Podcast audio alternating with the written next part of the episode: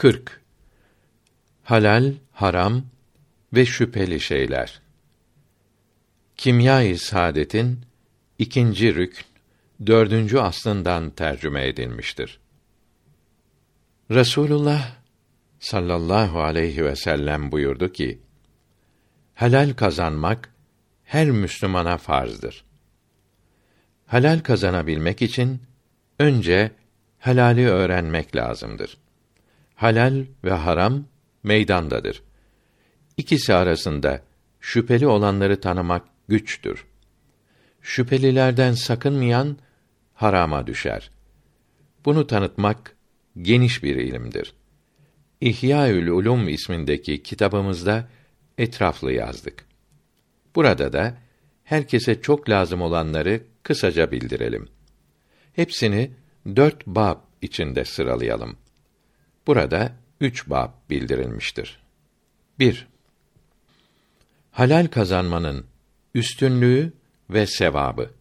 Mü'minun suresi 52. ayetinde mealen Ey peygamberlerim salavatullahi aleyhim ecmaîn helal ve temiz yiyiniz ve bana layık ibadetler yapınız buyuruldu.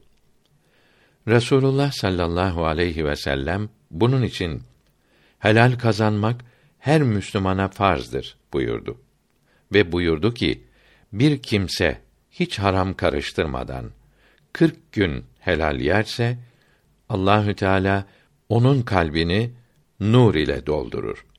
Kalbine nehirler gibi hikmet akıtır. Dünya muhabbetini kalbinden giderir. Dünyalık kazanmak için çalışmak günah değildir. Dünyalık sevgisi dünyaya gönül bağlamak günahtır. Saat bin Ebi Vakkas radıyallahu anh dedi ki: Ya Resulallah sallallahu aleyhi ve sellem dua buyur da Allahü Teala benim her duamı kabul etsin. Cevabında buyurdular ki: Dua kabul olmak için helal lokma yiyiniz. Bir hadisi şerifte çok kimse vardır ki yedikleri ve giydikleri haramdır. Sonra ellerini kaldırıp dua ederler. Böyle dua nasıl kabul olunur? Bir kere de buyurdu ki: Haram yiyenlerin ne farzları ne de sünnetleri kabul olmaz. Yani sevabına kavuşamazlar. Yine buyurdu ki: on liralık elbisenin bir lirası haram olsa, o elbiseyle kılınan namazlar kabul olmaz. Yine buyurdu ki, haram ile beslenen vücudun ateşte yanması daha iyidir. Yine buyurdu ki, malın helalden mi, haramdan mı geldiğini düşünmeyenler, cehenneme neresinden atılırsa atılsınlar. Allahü Teala onlara acımayacaktır. Yine buyurdu ki, ibadet on kısımdır. Dokuz kısmı helal kazanmaktır. Bir defa da buyurdu ki, helal kazanmak için yorulup evine dönen kimse günahsız olarak yatar. Allahü Teala'nın sevdiği kimse olarak kalkar. Yine buyurdu ki, Allahü Teala buyuruyor ki, haramdan kaçınanlara hesap sormaya utanırım. Ve buyurdu ki, bir dirhem faiz almak ve vermek, otuz zinadan daha günahtır. Ve buyurdu ki, haram maldan verilen sadaka kabul edilmez. Saklanırsa, cehenneme gidinceye kadar ona yolluk olur. Ebu Bekr radıyallahu an hizmetçisinin getirdiği sütü içti. Sonra helalden olmadığını anlayınca parmağını boğazına sokarak kay etti. O kadar zahmetle çıkardı ki ölüyor sandılar. Sonra Ya Rabbi elimden geleni yaptım. Midemde ve damarlarımda kalan zerrelerden sana sığınırım diye yalvardı. Ömer radıyallahu anh da Beytülmale ait zekat develerinin sütünden yanlışlıkla verilip içtiği zaman böyle yapmıştı. Abdullah bin Ömer radıyallahu anhuma buyurdu ki: Kambur oluncaya kadar namaz kılsanız ve kıl gibi oluncaya kadar oruç tutsanız haramdan kaçınmadıkça kabul edilmez, faydası olmaz. Süfyan-ı Sevri buyuruyor ki, haram para ile sadaka veren, cami yaptıran, hayrat yapan kimse, kirlenmiş elbiseyi idrar ile yıkayan kimseye benzer ki, daha çok pislenir. Yahya bin Muaz buyuruyor ki, Allahü Teala'ya itaat etmek bir hazineye benzer. Bu hazinenin anahtarı dua, anahtarın dişleri de helal lokmadır. Sehl bin Abdullah Tüsteri buyuruyor ki, hakiki imana kavuşmak için dört şey lazımdır. Bütün farzları edeple yapmak, helal yemek, görünen ve görünmeyen bütün haramlardan sakınmak ve bu üçüne ölünceye kadar devam etmeye sabretmek. Büyükler buyuruyor ki, kırk gün şüpheli lokma yiyenin kalbi kararır ve lekelenir. Abdullah İbni Mübarek buyuruyor ki, şüpheli olan bir kuruşu sahibine geri vermeyi, bin lira sadaka vermekten daha çok severim. Sehl bin Abdullah Tüsteri buyuruyor ki, haram yiyenlerin yedi azası istese de istemese de günah işler.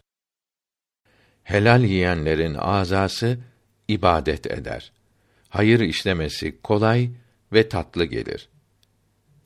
Helal kazanmanın ehemmiyetini gösteren daha nice hadisi şerifler ve büyüklerin sözleri vardır. Bunun içindir ki vera sahipleri haramdan çok sakınmışlardır. Bunlardan biri Veheb İbni Bert rahmetullahi teala aleyh idi ki nereden geldiğini anlamadan bir şey yemezdi. Bir gün annesi buna bir bardak süt vermişti. Sütü nereden aldığını ve parasını nereden verdiğini ve kimden aldığını sordu. Hepsini anlayınca bu koyun nerede otlamış dedi. Müslümanların hakkı bulunan bir yerde otlamıştı. Sütü içmedi. Annesi, oğlum, Allah sana rahmet etsin, iç dedi. Ona günah işlemekle rahmetine kavuşmak istemem dedi ve içmedi. Bişr Hafiye kuddise sirruh ne yiyip nereden geçiniyorsun dediklerinde herkesin yediği yerden ama yiyip de gülen ile yiyip de ağlayan arasında çok fark vardır buyurdu. 2. Helal ve haramda veraın dereceleri. Helalin ve haramın dereceleri vardır. Bazı şey helaldir, bazısı helal ve güzeldir. Bazısı da daha güzeldir. Haramların da bazısı çok fena, bir kısmı ise az fenadır. Nitekim hastalığın dereceleri de çeşitlidir. İnsanların haramdan ve şüphelilerden kaçınmaları beş derecedir. Birinci derece. Bütün Müslümanların verağıdır ki, İslamiyetin haram dediği şeylerden kaçınmaktır. Bu en aşağı derecedir. Bu derece veradan da nasibi olmayanların adaleti yoktur. Bunlara asi ve fasık, kötü kimse denir. Bunların da dereceleri vardır. Mesela birinin malını fasit bey ile gönül rızasıyla satın almak haramdır. Fakat zorla gasp etmek daha haramdır. Yetimden, fakirden almak ise daha şiddetli haramdır. Faiz ile satın almak hepsinden ziyade haramdır. Haramın şiddeti ne kadar fazla ise cezası da o kadar çok olur. Affolmak ihtimali de o derece az olur. Nitekim diyabet hastasına bal zarar verir. Fakat şeker daha çok zararlıdır. Şekeri çok yemek az yemekten daha zararlıdır. Helallerin, haramların hepsini fıkh okuyanlar bilir. Bütün fıkhı okumak ise herkese vacip değildir. Mesela ganimet malından ve cizye parasından hissesi olmayanların ganimet ve cizye ilimlerini okuması lazım değildir. Fakat buna muhtaç olanların bu ilimleri okuması vacip olur. Esnafın, tüccarın bey ve şira ilimlerini öğrenmesi lazımdır. İşçi olanın ise ücret, kira kısımlarını da bilmesi vacip olur. Her sanatin bir ilmi vardır. Herkese sanatinin ilmini öğrenmesi vaciptir. İkinci derece. Salihlerin, iyi insanların verağıdır ki haramlarla beraber şüphelilerden de kaçınmaktır. Şüpheliler de üç kısımdır. Bazısından sakınmak vaciptir. Bazısından müstehaptır. Bazısından sakınmak ise vesvesedir, kuruntudur ve faidesizdir. Mesela belki birinin mülküdür diye av eti yememek ve belki besmelesiz kesilmiştir veya kitapsız kâfir ve mürtet tarafından kesilmiştir diyerek kasaptan et almamak ve belki sahibi ölüp varis eline geçmiştir diye ariyet yani ödünç aldığı evden çıkmak hep kuruntudur. Bu şüpheleri gösterecek bir nişan, alamet olmadıkça kuru düşünce vesvese olup hiç faidesi yoktur. Üçüncü derece. Müttakilerin verağıdır ki haram ve şüpheli olmayıp helal olup fakat şüpheli veya harama sebep olmak korkusu olan şeylerden sakınmaktır. Resulullah sallallahu aleyhi ve sellem buyurdu ki: Bir Müslüman tehlikeli olan şeyin korkusundan dolayı tehlikesiz şeyden sakınmadıkça mütteki olamaz. Ömer radıyallahu anh buyurdu ki, bizler harama düşmek korkusu ile helallerin onda dokuzundan kaçındık. Bunun içindir ki, yüz dirhem gümüş alacağı olan bir kimse, 99 dirhem alırdı. Ağır gelmek korkusundan tamamını alamazdı. Ali bin Mabet diyor ki, bir evde kiracıydım. Bir gün birisine mektup yazmıştım. Mektubu duvarın tozuyla kurutmak hatırıma geldi. Sonra dedim ki bu duvar benim malım değildir. Kurutmamalıyım. Fakat yine dedim ki bu kadarcık şeyin zararı olmaz. Duvardan toprak alıp mürekkebi kuruttum.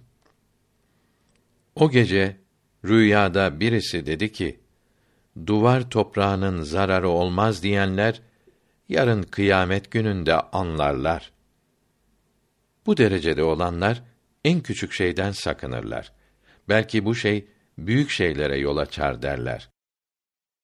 Yahut ahirette müttakilerin derecesinden düşmemek için sakınırlar. Bunun içindir ki Hasan bin Ali radıyallahu anhuma çocuk iken zekat malından ağzına bir hurma koymuştu. Resulullah sallallahu aleyhi ve sellem pis pis onu at buyurmuştu. Halife Ömer bin Abdülaziz'in yanına ganimet eşyasından misk getirdiler. Burnunu tıkadı. Bunun faidesi kokusudur. Bu ise Müslümanların hakkıdır dedi. Büyüklerden biri bir gece bir hastanın başında bekliyordu. Hasta ölünce kandili söndürdü. Kandilin yağı şimdi varislerin hakkı oldu dedi. Halife Ömer radıyallahu an ganimet malından bir parça miski evine bırakmıştı. Bir gün eve gelince ailesinin başörtüsünden misk kokusu duydu ve sordu. Miski yerine koyuyordum, elim koktu. Elimi başörtüme sürdüm deyince Ömer radıyallahu an başörtüsünü alıp iyice yıkadı. Kokusu kalmayınca geri verdi. Bunun zararı yok idi. Lakin Ömer radıyallahu an adet olmasını önlemek istedi.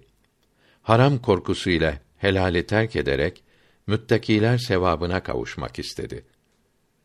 Ahmet bin Hanbel'den sordular ki, hadisi şerif yazılı bir kağıt bulan kimse sahibine sormadan bunun kopyasını alabilir mi? Hayır dedi. İnsan Mübah olan dünya işlerine çok dalarsa şüpheli olanları yapmaya başlar. Belki helalden çok yiyen müttakilerin derecesine eremez. Çünkü mide helal ile dolunca şehvet harekete gelir. Caiz olmayan şeyler yapılabilir. Kadınlara, kızlara bakmak tehlikesi baş gösterir. Zenginlere mal, mülk, mevki sahiplerine imrenerek bakmak da dünya hırsını arttırır. Onlar gibi olmak ister. Haram toplamaya başlar. Bunun içindir ki Resulullah sallallahu aleyhi ve sellem dünyaya gönül bağlamak günahların başıdır buyurdu. Yani mübah olan şeylere düşkün olmak kalbi dünyaya çevirir. Çok mal toplamak ister. Bunu da günah işlemeden yapamaz. Mal toplamayı düşündükçe Allahü Teala'yı unutmaya başlar. Bütün kötülüklerin başı kalbin Allahü Teala'dan gafil olmasıdır. Süfyan-ı Sevri birisiyle birlikte evin kapısında duruyordu. Önlerinden süslenmiş bir adam geçti. Arkadaşı bu adama bakarken Süfyan mani olup eğer sizler bakmamış olsanız böyle israf yapmaz idi. Bunun israf günahına siz de ortak oluyorsunuz buyurdu. Kur'an-ı Kerim'i, mevlitleri, musiki ile gazel okur gibi okuyan hafızların da günaha girmelerine sebep onları dinleyenlerdir. Günaha sebep olanlar işleyenler gibi azap görecektir. Dördüncü derece Sıddıkların verağıdır. Sıddıklar harama sebep olmak korkusu bulunmayan helallerden de sakınır. Bunları meydana getiren sebeplerden birine haram karışmış olmasından çekinirler. Mesela Bişr Hafi Kaddesallahu Teala esrarehül aziz sultanların veya adamlarının yaptırdığı çeşmelerden su içmezdi. Bazıları hacca giderken sultanların yaptırdığı su kanallarından sulanmış bağların üzümlerini yemezdi. Birinin yolda nalını kopmuştu. Sultan geçiyordu. Gece onun ışığı ile nalınını bağlamadı. Bir gece bir kadın iplik eğiriyordu. Sultan geçti. İpliğini sultan ışığıyla bükmemek için sultan geçinceye kadar işlemedi. Zünnûn-u Mısri'yi hapsetmişlerdi. Kaddesallahu Teala esrarehül aziz. Günlerce aç kalmıştı. Bir kadın iplik parasıyla hazırladığı yemekten gönderdi. Yemedi. Kadın işitince üzüldü. Helal parayla yaptığımı biliyorsun. Niçin yemedin? dedi. Evet, yemek helal idi. Fakat zalimin tabağı içinde getirdiler buyurdu. Yemeği zindancıların tabağında getirmişlerdi. Sıddıkların verağı en yüksek derecededir. Fakat bu derecede olmayanlar vesveseye düşer. Fasıkların elinden bir şey yemezler. İş böyle değildir. Fasıktan değil, zalimden kaçınmak lazımdır. Zalim başkasının hakkını kullanandır. Haram yemektedir. Fakat mesela zina yapan kimsenin kazancı zinadan değildir ki haram olsun. Haramdan sakınmak veradır. Yoksa çamaşır yıkarken, su kullanırken acaba temiz mi diye vesvese etmek vera değildir. Sıddıklar böyle vesvese yapmazdı. Her buldukları su ile abdest alırlardı. Elbisenin suyun temizliğinde vesvese etmek gösteriş yapmaya yaklaşır ve nefsin hoşuna gider. Halbuki sıddıkların verağı kalp temizliğidir. Bunu insanlar görmez. Bunun için nefse güç gelir. Beşinci derece Mukarrepler ve muvahhidler vera olup Allahü Teala için olmayan her şeyden yemekten, içmekten, yatmaktan, söylemekten sakınırlar. Yahya bin Muaz Kaddesallahu Teala esrarehül aziz ilaç içmişti. Zevcesi odada biraz dolaş dedi. Gezmeye bir sebep göremiyorum. Otuz senedir hesap ediyorum. Allah rızası için olmayan bir harekette bulunmadım dedi. Bunlar din için niyet etmedikçe hareket etmezler. Yemeleri ibadete lazım olan aklı ve kuvveti bulmaları niyetiyledir. Her sözleri Allah içindir. Başka niyetleri haram bilirler. Bu dereceleri bildirmekten maksadımız bunları okuyarak, duyarak kendimizi anlayalım. Birinci dereceden de ne kadar uzağız. Lafa gelince durmadan söyleriz. Meleklerden, göklerden, kıyametin nasıl olacağından, Allahü Teala'nın sıfatlarından sorarız, konuşuruz. Helale, harama, İslamiyetin emirlerine gelince susarız. Resulullah sallallahu aleyhi ve sellem buyurdu ki: insanların en kötüsü köşkler, çeşitli yemekler, renkli elbiseler içinde boş oturup herkese hoş gelen lüzumsuz sözlerle vakit geçirenlerdir. 3. Helal ve haramlar. Çok kimseler dünya malını hep haram sanır. Bazısı da dünyadaki şeylerden çoğu haramdır der. Burada insanlar üç türlüdür. Bir kısmı verada ileri gidip yalnız meyve, balık, av eti gibi şüpheli olmayan şeyleri yeriz der. Bir kısmı da tembel, miskin oturup her istediğimizi yeriz. Hiçbir şey ayırt etmeyiz der. Üçüncü kısım her şey yemeli ama lüzumu kadar der. Bunların üçü de yanılmaktadır. Doğrusu şöyledir ki helal meydandadır, haram meydandadır. Şüpheliler ikisi arasındadır. Kıyamete kadar böyledir. Nitekim Resulullah sallallahu aleyhi ve sellem böyle buyurmuştur. Dünya malından çoğu haram diyen yanılıyor. Evet, haram çoktur. Fakat daha çok değildir. Çok başkadır, daha çok başkadır. Nitekim hasta çoktur, tüccar çoktur, asker çoktur. Fakat insanların çoğu değildir. Zalimler çoktur. Ama mazlumlar daha çoktur. İhya kitabımızda bunu uzun bildirdik. Şunu iyi bilmelidir ki insanlara muhakkak helal olan Allahü Teala'nın helal bildiği şeyleri yiyiniz diye emrolunmadı. Bunu kimse yapamaz. Belki helal olduğunu bildiğinizi yiyiniz denildi. Haram olduğu meydanda olmayan şeyleri yiyiniz denildi ki bunu herkes yapabilir. Nitekim Resulullah sallallahu aleyhi ve sellem bir müşrikin destesinden abdest aldı. Ömer radıyallahu an Hristiyan kadının destesinden abdest aldı.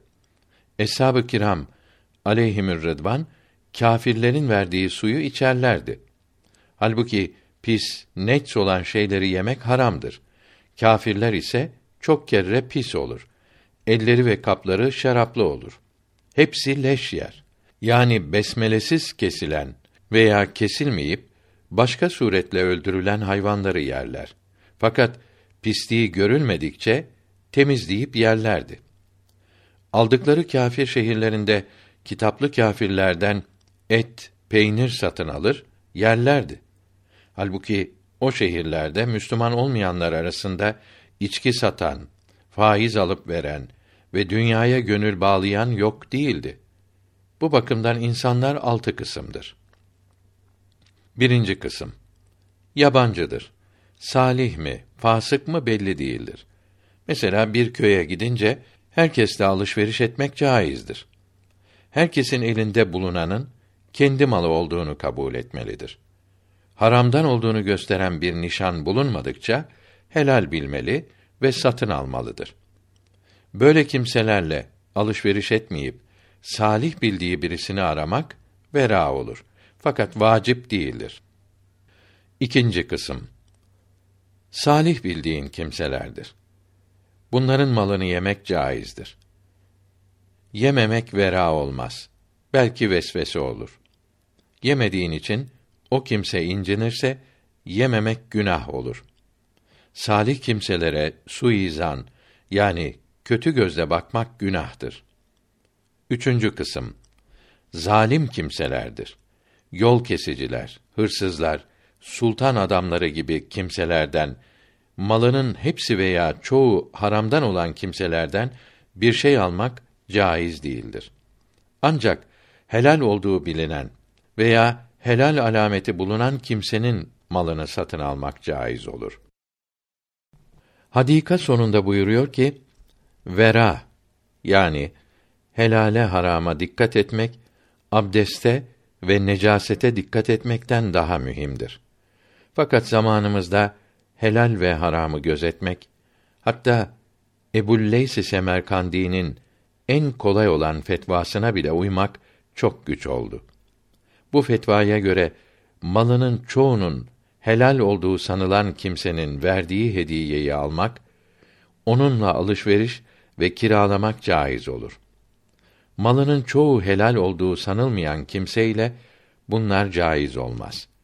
Çünkü haram olduğu bilinen mal elden ele geçince haramlığı yok olmaz. Haram mal varise kalınca buna helal olur denildiyse de bu kavil zayıftır.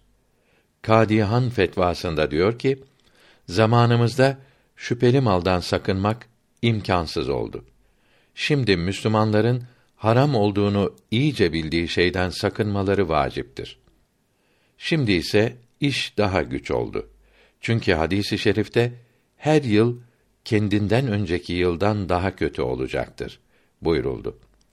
Bunun için bugün vera ve takva kalbi, dili ve bütün uzuvları haramdan korumaktır ve insanlara zulm yapmamaktır ve insanlara ve hayvanlara işkence yapmamaktır ve işçinin ücretini hemen vermektir. Gönül rızası olmadan talebesine bile iş yaptırmamaktır. Herkesin elinde bulunan malı onun mülkü bilmektir. Gasp, zulm, rüşvet, hırsızlık, faiz, haraç ve hıyanet yollarından biriyle ve alkollü içki satarak ele geçtiği açıkça bilinen bir malı onun mülkü olmaz. Bunu ondan almak, kullanmak, yemek helal olmaz. Başka malları mülkü kabul edilir. Onları verince almak haram olmaz. Haramdan topladığı malları kendi helal malı ile yahut birbirleriyle karıştırsa mülki habis denir. Bu habis karışımdan verince haram olduğunu tanımadığı malı parayı almak caiz olur. Çünkü İmam-ı Azam Ebu Hanife'ye göre böyle haramdan gelen ve emanet olarak alınan paraları kendi helal malı ile veya birbirleriyle karıştırıp da ayıramazsa hepsi habis mülkü olur ve kendi helal malından sahiplerine tazmin etmesi, ödemesi lazım olur. Tazminden sonra bu habis mülkünü kullanması caiz olur. Fasit akt ile habis mülk olan malı kullanmak ise hiç caiz değildir. Bezzaziye'de namaz sonunda diyor ki: Fakirlere zekat vermek için zenginlerin vekili olan kimse topladığı zekatları birbirleriyle karıştırınca hepsi kendi mülkü olur. Fakirlere kendi malından sadaka vermiş olur. Zenginlerin zekatları verilmiş olmaz. Zenginlerden aldıklarını onlara ödemesi lazım olur. Fakirler önceden bu kimseye izin vermiş olsalardı onların vekilleri olarak toplamış olur, fakirlerin mallarını birbirleriyle karıştırmış olurdu ve zekatlar verilmiş olurdu.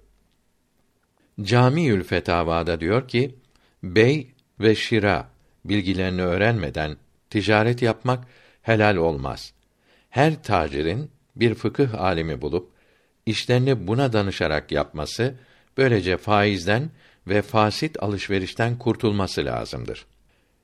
İmamı Kerhi fetvasında haram semeni göstermeden satın alınan mebi müşteriye helal olur.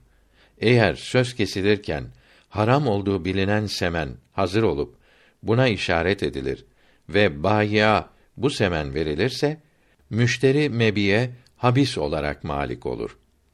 Hadikada el afetlerinin sonunda diyor ki gasp edilmiş veya hırsızlık, hıyanet gibi haram yoldan elde edilmiş olduğu bilinen bir malı hediye, sadaka, mebi, semen ve ücret olarak almak, kira ile kullanmak helal değildir. Yalnız varisin mal sahiplerini bilmediği zaman miras kalan böyle malları alması helal olur. Malın böyle haram olduğu iyi bilinmezse herkesin alması caiz olur. Dördüncü kısım. Malının çoğu helal olup haram da karışık bulunan kimsedir.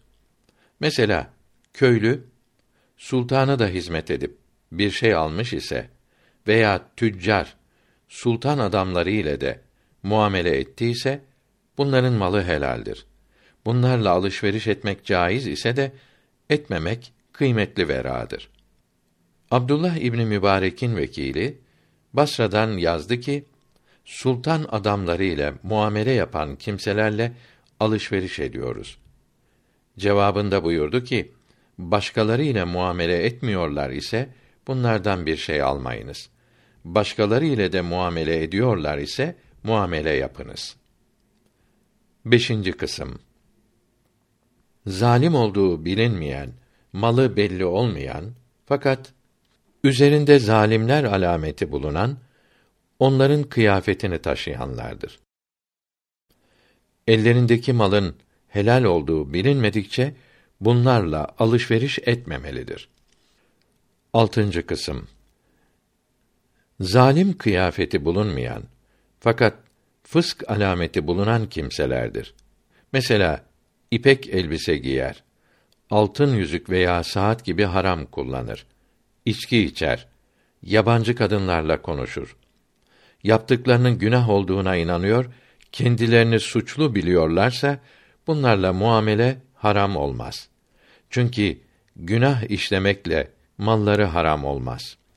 Ancak günahtan kaçmayan, haram maldan da kaçınmaz denilirse de bu düşünce ile malına haram denilemez.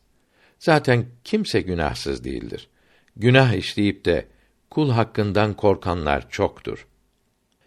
Helali haramı ayırt etmeyen, farzı yapmaya, haramdan kaçınmaya ehemmiyet vermeyen mürtet Allah'a düşman olur.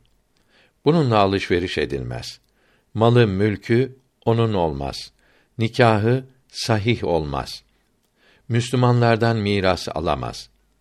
Kelime-i şehadet getirse, namaz kılsa, ben Müslümanım dese de Müslüman olmaz. Bu sözlerine ve ibadetlerine inanılmaz. Dinden çıkmasına sebep olan şeye pişman olması, buna tövbe etmesi lazımdır. Dürrül Muhtar sahibi rahmetullahi teala aleyh diyor ki: Karı koca mürtet olup Darül Harbe yani Amerika gibi kâfir memleketine gidip yerleşseler, orada çocukları ve torunları olsa, hepsini esir alsak, kendileri ve çocukları Müslüman olmazsa katlolunur. Torunları ise esir edilir. Çünkü çocukları babaları gibi mürtettir. Torunları dedeye tabi olmaz. Kafir olu kafir olurlar. İşte buna göre alışveriş etmek lazımdır. Bunlara dikkat ettiği halde harama düşen kimse günahlı olmaz. Nitekim necasetle kılınan namaz kabul olmaz. Fakat necaset olup da bilmese kabul olur. Necaset olduğunu namazdan sonra anlasa kaza etmek lazım gelmez de demişlerdir. Resulullah sallallahu aleyhi ve sellem namaz içinde nalınını çıkardı. Cebrail aleyhisselam nalının kirli olduğunu haber verdi. Buyurdu ve namazı kaza etmedi. Bu maldan kaçınmak lazım değilse de kıymetli veradır dediğimiz yerlerde bu malı nereden aldın demek caiz olur. Fakat sorunca o kimse incinirse sormak haram olur. Çünkü vera ihtiyatlı olmaktır. Müslümanı incitmek ise haramdır. O halde güzellikle sormalı. İkram ediyorsa bir bahaneyle yememelidir. Çaresiz kalırsa incitmemek için yemelidir. Başkasına da sormamalıdır. Çünkü kendisi işitirse daha çok üzülür. Tecessüs ve gıybet ve suizan olur ki hepsi haramdır. İhtiyatlı davranmak için helal olmazlar. Resulullah sallallahu aleyhi ve sellem misafir olduğu zaman ne verseler kabul buyururdu. Nereden aldınız diye sormazdı. Hediye de kabul eder sormazdı. Ancak şüpheli olduğu meydanda ise mesela Medine-i Münevvere'ye yeni teşrif buyurduğu zaman getirdikleri şeylere hediye mi sadaka mı diye sorardı. Çünkü o zaman şüpheliydi. Sorunca kimse incinmezdi. Bir yerde yağma edilmiş, çalınmış şeyler ve hayvanlar satılıyorsa, çoğunun haram olduğunu bilen kimse, buradan bir şey satın almamalıdır. Eğer ihtiyacı çoksa, nereden aldın diye sormalı, helalden olduğu anlaşılanı almalıdır. Çoğunun haram olmadığı biliniyorsa, sormadan almak caiz ise de, sormak vera olur. İnsan necasetini yalnız başına satmak ve insandan ayrılan her şeyi satmak haramdır. Hepsini gömmek lazımdır. İnsan necasetini yalnız başına da kullanmak caiz değildir. Toprak veya başka şeyle karışık satmak ve kullanmak sahihtir. Hayvan gübresi yalnız olarak da satılır ve kullanılır. Diğer üç mezhep imamı rahmetullahi teala aleyhi ecmaîn hayvan gübresi satmak da caiz değildir dedi. Mekke-i Mükerreme şehrinde bina, arsa, tarla satmak caizdir. Bunun gibi bir kimsenin vakf erazi üzerine yaptığı bina mülkü olur. Bunu satması caiz olur. Mekke'deki binaları hac zamanında hacılara kiraya vermek haramdır. Onlara ücretsiz olarak ikram olunur. Bedai'de 5. cilt 146. sayfede diyor ki: Mekke'deki evleri hac zamanında hacılara kira ile vermek mekruhtur. Şarap yapan Müslümana üzüm ve şıra satmak caizdir. Müslümanların şarap satması ve bundan aldığı para haramdır. Hatta borcunu ödemek için Müslüman şarap satsa, alacaklının bu parayı alması haramdır. Zimmideki borcunu şarap parasından alması helaldir. Fakat tenzihen mekruhtur. İbn Abidin hayvan zekatının sonunda ve Kadizade Ahmed Efendi bir gibi vasiyetnamesi şerhinde diyor ki: Bir kimse elindeki kat'î haram olan maldan sadaka verse, sevap umsa, alan fakir haramdan olduğunu bilerek verene Allah razı olsun dese, veren de veya başka bir kimse de amin dese hepsi kâfir olur. İbn Abidin burada buyuruyor ki haram olduğu bilinen belli mal ile cami yaptırmak ve başka hayır yaptırmak ve bunlara karşılık sevap beklemek de küfürdür. İbn Abidin rahmetullahi teala aleyh zekat verilecek yerlerin sonunda buyuruyor ki kendisine ve bakması vacip olanlara lazım olandan fazla malı bulunan kimsenin sadaka vermesi müstehaptır. Bakması vacip olan kimsesi muhtaç iken bunun sadaka vermesi günahtır. Sıkıntıya sabredemeyecek kimsenin kendi muhtaç olduğu malı, parayı sadaka vermesi caiz değildir. Tahrimen mekruhtur. Sadaka veren kimsenin sadaka sevabını Resulullah sallallahu aleyhi ve sellem efendimize ve bütün müminin ve müminata göndermeye niyet etmesi iyi olur. Çünkü kendi sevabı azalmaz ve hepsine de ayrı ayrı hep o kadar sevap verilir.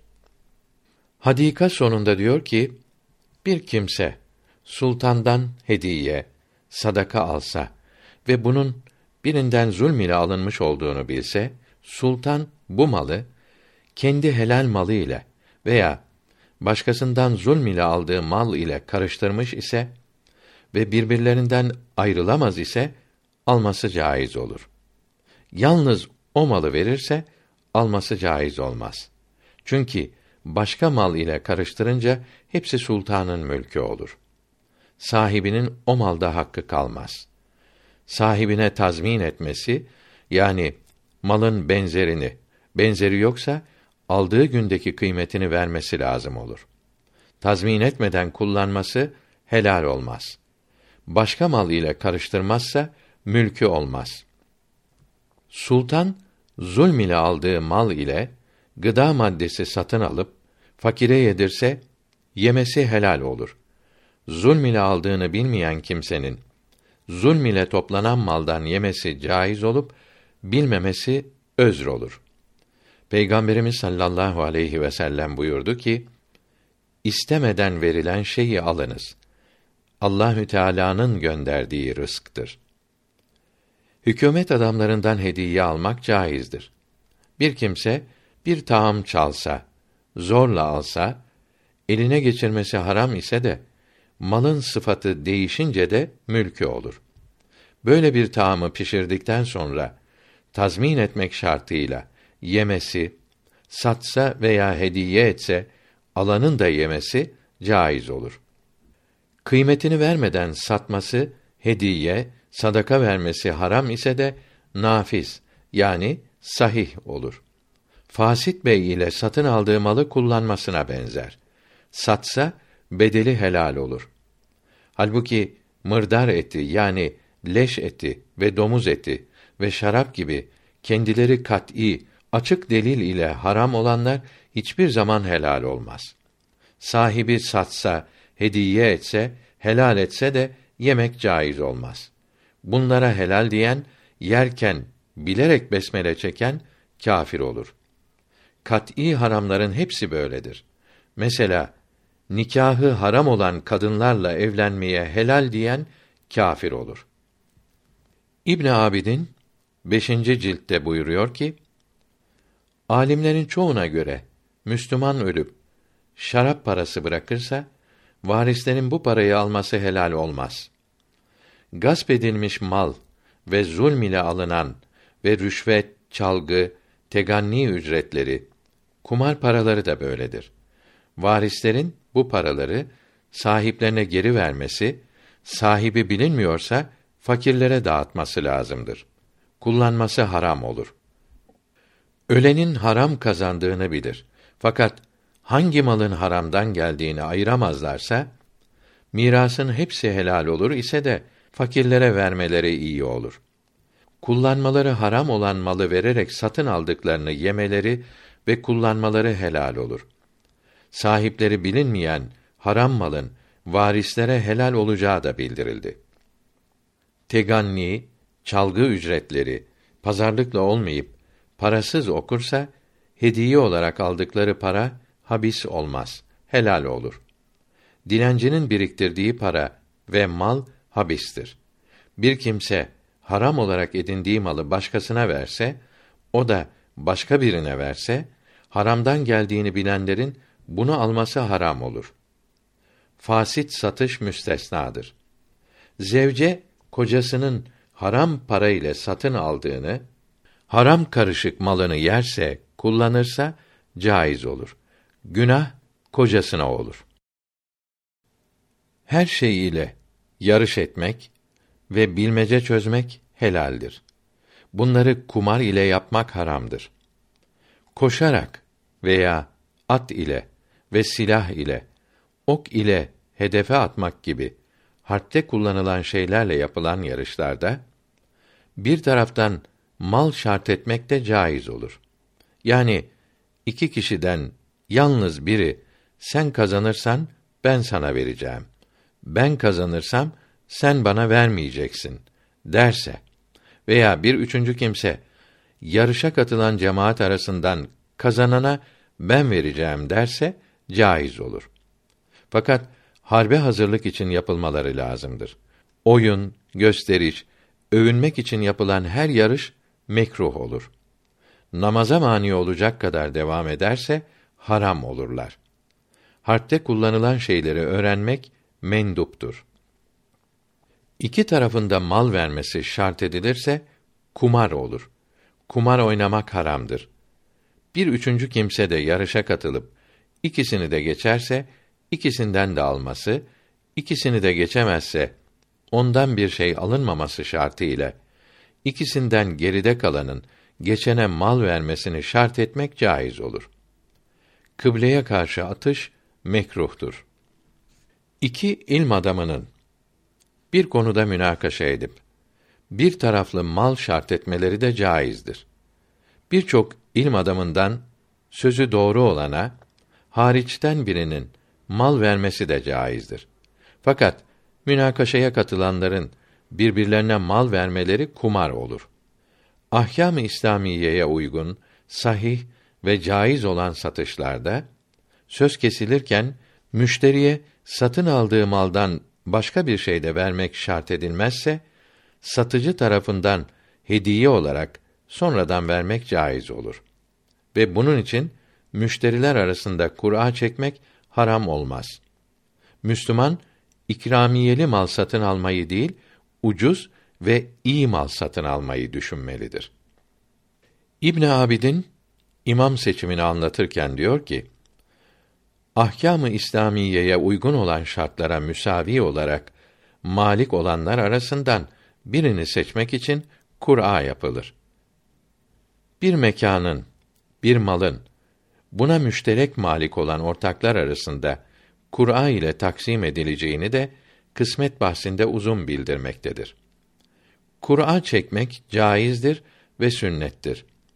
Mülk sahiplerinin haklarının miktarlarını değiştirmek veya ortaklardan birinin hakkını yok etmek yahut hakkı olmayana pay vermek için yapılan Kur'a piyango haram olur. İki veya çok kimse aralarında para toplayarak bir emanetçiye bırakıp aralarından seçtikleri birinin veya vekilinin bunu fakirlere, hayır kuruluşlarına dağıtması caiz olduğu gibi fakirler arasında Kur'a çekip kazananlarına dağıtması da caizdir. Kendi aralarında piyango çekip kazananların vermiş oldukları paradan fazla almaları kumar olur.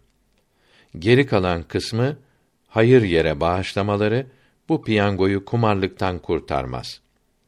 Her birinin kendi verdiğini geri alması caizdir. Kendi hissesini içlerinden birine hediye edebilir. Emanetçinin ücretini paraları oranında öderler. Emanetçi emanet parayı kullanamaz. Bankaya yatıramaz. Banka emanetçi olabilir. Kendilerinden biri de emanetçi olabilir. Kumar yarışlarda olduğu gibi tavla ile, dama taşları ile, iskambil kağıtları ile yapılan her oyunda futbol oyunlarında da olur. Bunların hepsinde ve ilm adamları arasındaki kumarda sözleri, tahminleri yanlış çıkanlar tahminleri doğru çıkanlara mal, para vermektedir.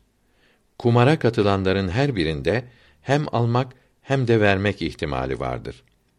Kumar oynatmak, yarışmak demek değil, tahminde yanılıp yanılmamak demektir. Bunun için oynayanlar arasında olduğu gibi oynamayıp, yarışmayıp, yarışanlardan kazanacakları önceden tahmin edenler arasında da kumar olur. Hatta yalnız bir kişinin yaptığı işin başarılı olup olmayacağını tahmin edenler arasında da olur. Kumarda sonu tahmin edilen işin oyun olması, kazançlı, başarılı olması veya zararlı olması arasında fark yoktur. Cambazın düşüp düşmeyeceğini, geminin batıp batmayacağını tahmin edenlerin birbirlerine para vermek için sözleşmeleri de kumar olur. Bunun içindir ki oyun, yarış yapılmaksızın kumarcıların isimleri veya parayla aldıkları biletlerin numaraları arasında piyango çekerek çekilen numara sahiplerine biletlerden toplanan paraların hepsini veya bir miktarını dağıtmak kumar olur.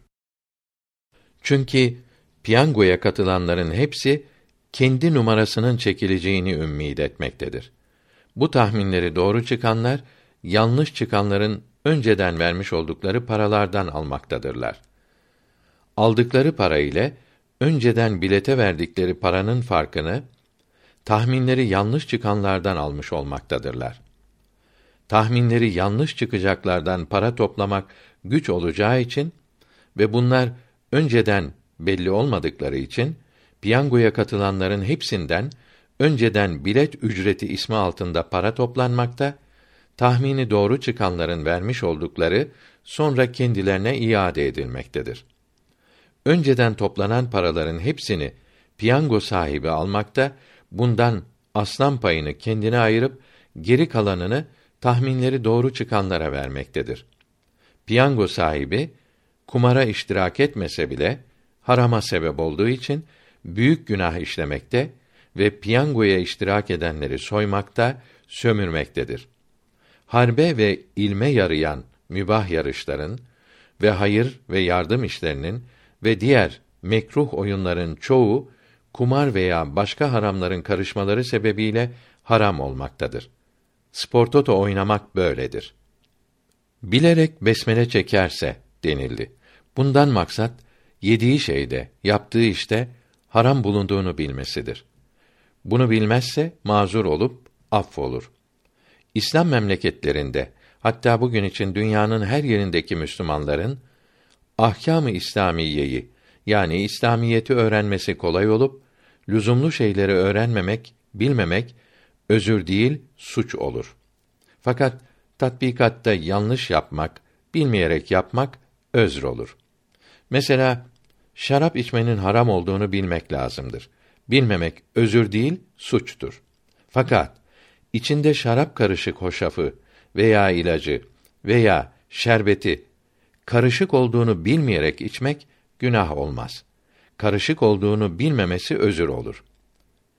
Domuz etinin haram olduğunu bilmemek özür değildir, suçtur. Koyun, sığır etiyle pişti sanarak domuz etiyle pişmiş yemeği yemek özr olur, affolur. Şiratül İslam 246. sayfasındaki hadisi i şerifte Allah'a ve ahiret gününe inanan kimse şarap içilen sofraya oturmasın buyuruldu. Arkadaşlarının gönlünü hoş etmeyi niyet ederek oturup şarap içmemek caiz olur demek ve amel niyete göre değerlenir hadisi şerifini söylemek doğru değildir. Çünkü niyet ibadetlere ve mübah işlere tesir eder. Haram işler iyi niyet ile caiz olmaz. Yiğitlik göstermek veya para, mal kazanmak için gaza eden kimse cihat sevabı kazanmaz. Mübahlar iyi niyetle yapılınca hayır olup sevap kazanılır. Fakat mümin kardeşinin gönlünü hoş etmek niyetiyle haram işlemek caiz olmaz ve mümini sevindireni Allahü Teala sevindirir hadisi şerifine uyulmuş olmaz. Ancak zaruret ve fitne uyandırmamak için içmemek şartı ile oturulabilir ise de önceden bundan sakınmak lazımdır. Darül Harp'te yani İtalya, Fransa gibi kâfir memleketinde imana gelen kimse farzı, haramı işitince Darül İslam'da imana gelen veya bali olan da o anda farzları yapması, haramlardan kaçınması lazım olur. Darül İslam'da farz olduğunu öğreninceye kadar kılmadığı namazları ve tutmadığı oruçları kaza etmesi lazım olur. Bilmemesi, terk etmek günahından kurtulması için özr olur. Öğrenmeyi terk ettiyse hiç özr olmaz. İbn Abidin rahmetullahi teala aleyh 5. cilt 272. sayfede buyuruyor ki rüşvet olarak istenip alınan mal insanın mülkü olmaz. Veren geri isteyebilir. İstemeden verdiyse geri isteyemez. Fakat alanın geri vermesi vacip olur. Bir alime kendine şefaat etmesi veya zulmden kurtarması için önceden verilen şey rüşvet olur. Fakat sonra verilen hediyesini alması caiz olur. Önceden istemesi haramdır. Önceden verilen hediyeyi alması caizdir denildi. Hocanın talebesinden hediye alması da caiz denildi. Dinine, malına, canına zarar gelmesinden korkan kimsenin rüşvet vermesi caizdir. dinini, malını ve canını zalimlerin zulmünden korumak için ve hakkını kurtarmak için bir şey vermek rüşvet olmaz. Alana günah olur. Haç bahsinde bildirildiği gibi farzları yapabilmek ve haramlardan kurtulabilmek için verilen mal da rüşvet olmaz. Bunları almak günah olur. Dördüncü cilt 300. sayfede hakimin rüşvet alması haram olduğunu anlatırken rüşveti dörde ayırmaktadır. Müfti, hakim, vali olmak için rüşvet vermek ve birinin haklı dahi olsa memura, hakime rüşvet vermesi ve bunların almaları haramdır. Çünkü zaten vacip olan şeyi yapmak için bir şey almak caiz değildir. Bu işleri yaptıktan sonra istemeden verilen hediye rüşvet olmaz. Memurların zulmünden kurtulmak veya hakkını almak, malını, canını, dinini, ırzını korumak için memura veya aracıya vermek caizdir. Bunların alması haramdır. Zulm yapılması için vermek ve almak haramdır. Bir kimse helal mülkü olan malından hediye verse, istenmeden verilen bu hediyeyi kabul etmek sünnettir. Hediyeleşiniz, sevişiniz. Hadisi şerifi Künûz-u Dekaik'ta yazılıdır. Mektubat-ı Masumiye ikinci cildinin 37. mektubunda diyor ki: Peygamberimiz sallallahu aleyhi ve sellem Hazret Ömer'e hediye gönderdi. Kabul etmedi. Geri göndermesinin sebebini sordu. İnsan için hayırlı olan kimseden bir şey almamaktır. Buyurdunuz deyince isteyip de almak için demiştim. İstemeden verilen şey Allahü Teala'nın gönderdiği rızktır. Onu alınız buyurdu. Ömer de Allahü Teala'ya yemin ederim ki kimseden bir şey istemeyeceğim ve istemeden verileni alacağım dedi. Hediye kabul etmenin tevekküle mani olmadığı Makamat-ı Maseriye'nin 28. mektubunda uzun yazılıdır. Hükümetin piyasaya narh, fiyat koyması caiz değildir. Hiçbir şeyin satışında kar haddi yoktur. Herkes istediği kadar kar ile satabilir. İbn Abidin rahmetullahi teala aleyh 5. ciltte buyuruyor ki Enes bin Malik radıyallahu an buyurdu ki Medine-i Münevvere'de pahalılık oldu. Ya Resulallah sallallahu aleyhi ve sellem fiyatlar yükseliyor. Bize sir yani kar haddi koyunuz denildi. Fiyatları koyan Allahü Teala'dır. Rızkı genişleten, daraltan, gönderen yalnız odur. Ben Allahü Teala'dan bereket isterim buyurdu. Dürrül Muhtar'daki hadisi i şerifte kar haddi koymayınız. Fiyat koyan Allahü Teala'dır buyurdu. Esnafın hepsi fiyatları fahiş olarak mal oluş fiyatının iki misline arttırdığı, millete zarar ve zulm haline geldiği zaman hükümetin tüccarlara danışarak uygun bir nar kar haddi koyması caiz olur. Hükümetin koyduğu bu fiyata uymak vaciptir. Bunun gibi adaleti, milletin haklarını, hürriyetlerini koruyan kanunlara uymak lazımdır. Bunları korumak için hükümete yardımcı olmalı, mal vergi kaçakçılığı yapmamalıdır. Darül Harp'te kâfir hükümetlerin kanunlarına da karşı gelmemelidir. İbn Abidin 5. cilt 250. sayfede diyor ki: Küçük çocuğun muhtaç olduğu şeylerin mesela gıdasının, elbisesinin, süt anne ücretinin fazlasını çocuğu evinde beslemekte olan annesinin ve erkek kardeşinin, amcasının ve sokakta görerek alıp evinde besleyen kimsenin çocuktan kendileri için satın almaları ve kendilerinin böyle mallarını çocuğa satmaları caizdir. Bunlardan yalnız annesi evinde beslediği küçük çocuğunu ücret ile çalışmaya da verebilir. İmamı Ebu Yusuf'e göre zirah mahrem akrabasından olan kadın veya erkek de ecri misliyle verebilir. Hayreddin Remli rahmetullahi teala aleyh fetvasında bu kavli tercih etmiştir. Dürer'de ve İbn Abidin'de satışta icap ve kabulü anlatırken ve Ali Haydar Bey'in rahmetullahi teala aleyh Mecelle şerhi 167, 263, 365 ve 974. maddelerinde diyor ki: Fasık, müsrif olmayan baba, baba ölmüş ise babanın vasisi, bu da ölmüş ise ölürken vasiyet ettiği kimse, bu ikinci vasi de yoksa babanın adil olan babası, bu da yoksa dedenin vasisi veya vasisinin vasisi birinci derece velidirler.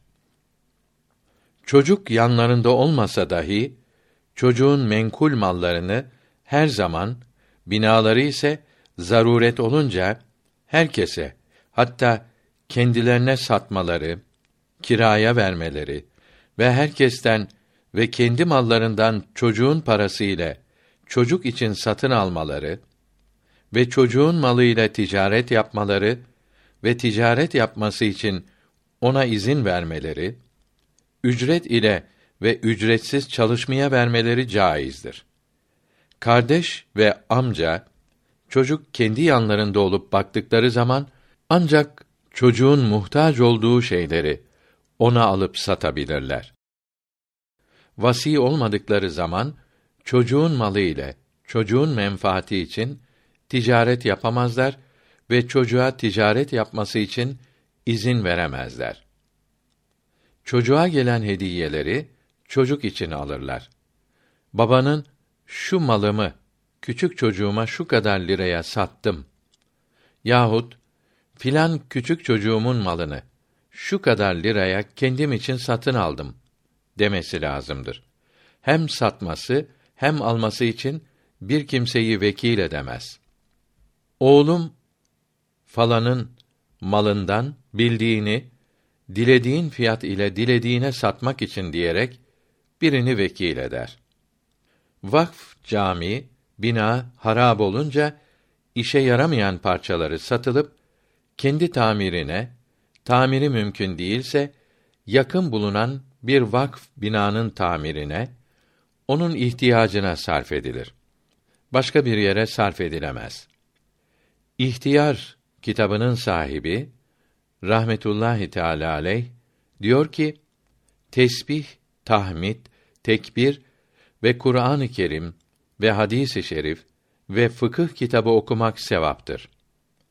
Ahzab suresinin 35. ayetinde mealen Allah'ı çok zikreden erkeklerin ve kadınların günahları affolur ve çok sevap verilir buyuruldu. Tüccarın malını müşteriye gösterirken bunları okuması ve kelime-i tevhid, salavat okuması günahtır. Bunları para kazanmaya alet etmek olur. İbn Abidin'in beşinci cildinde ve Dürer'de diyor ki, bakkala borç para verip, o para bitinceye kadar ondan mal satın almak haramdır. Çünkü istifade etmek şartıyla ödünç vermek faiz olur. Parayı bakkala emanet olarak vermelidir. Emanet verilen para helak olursa bakkal ödemez.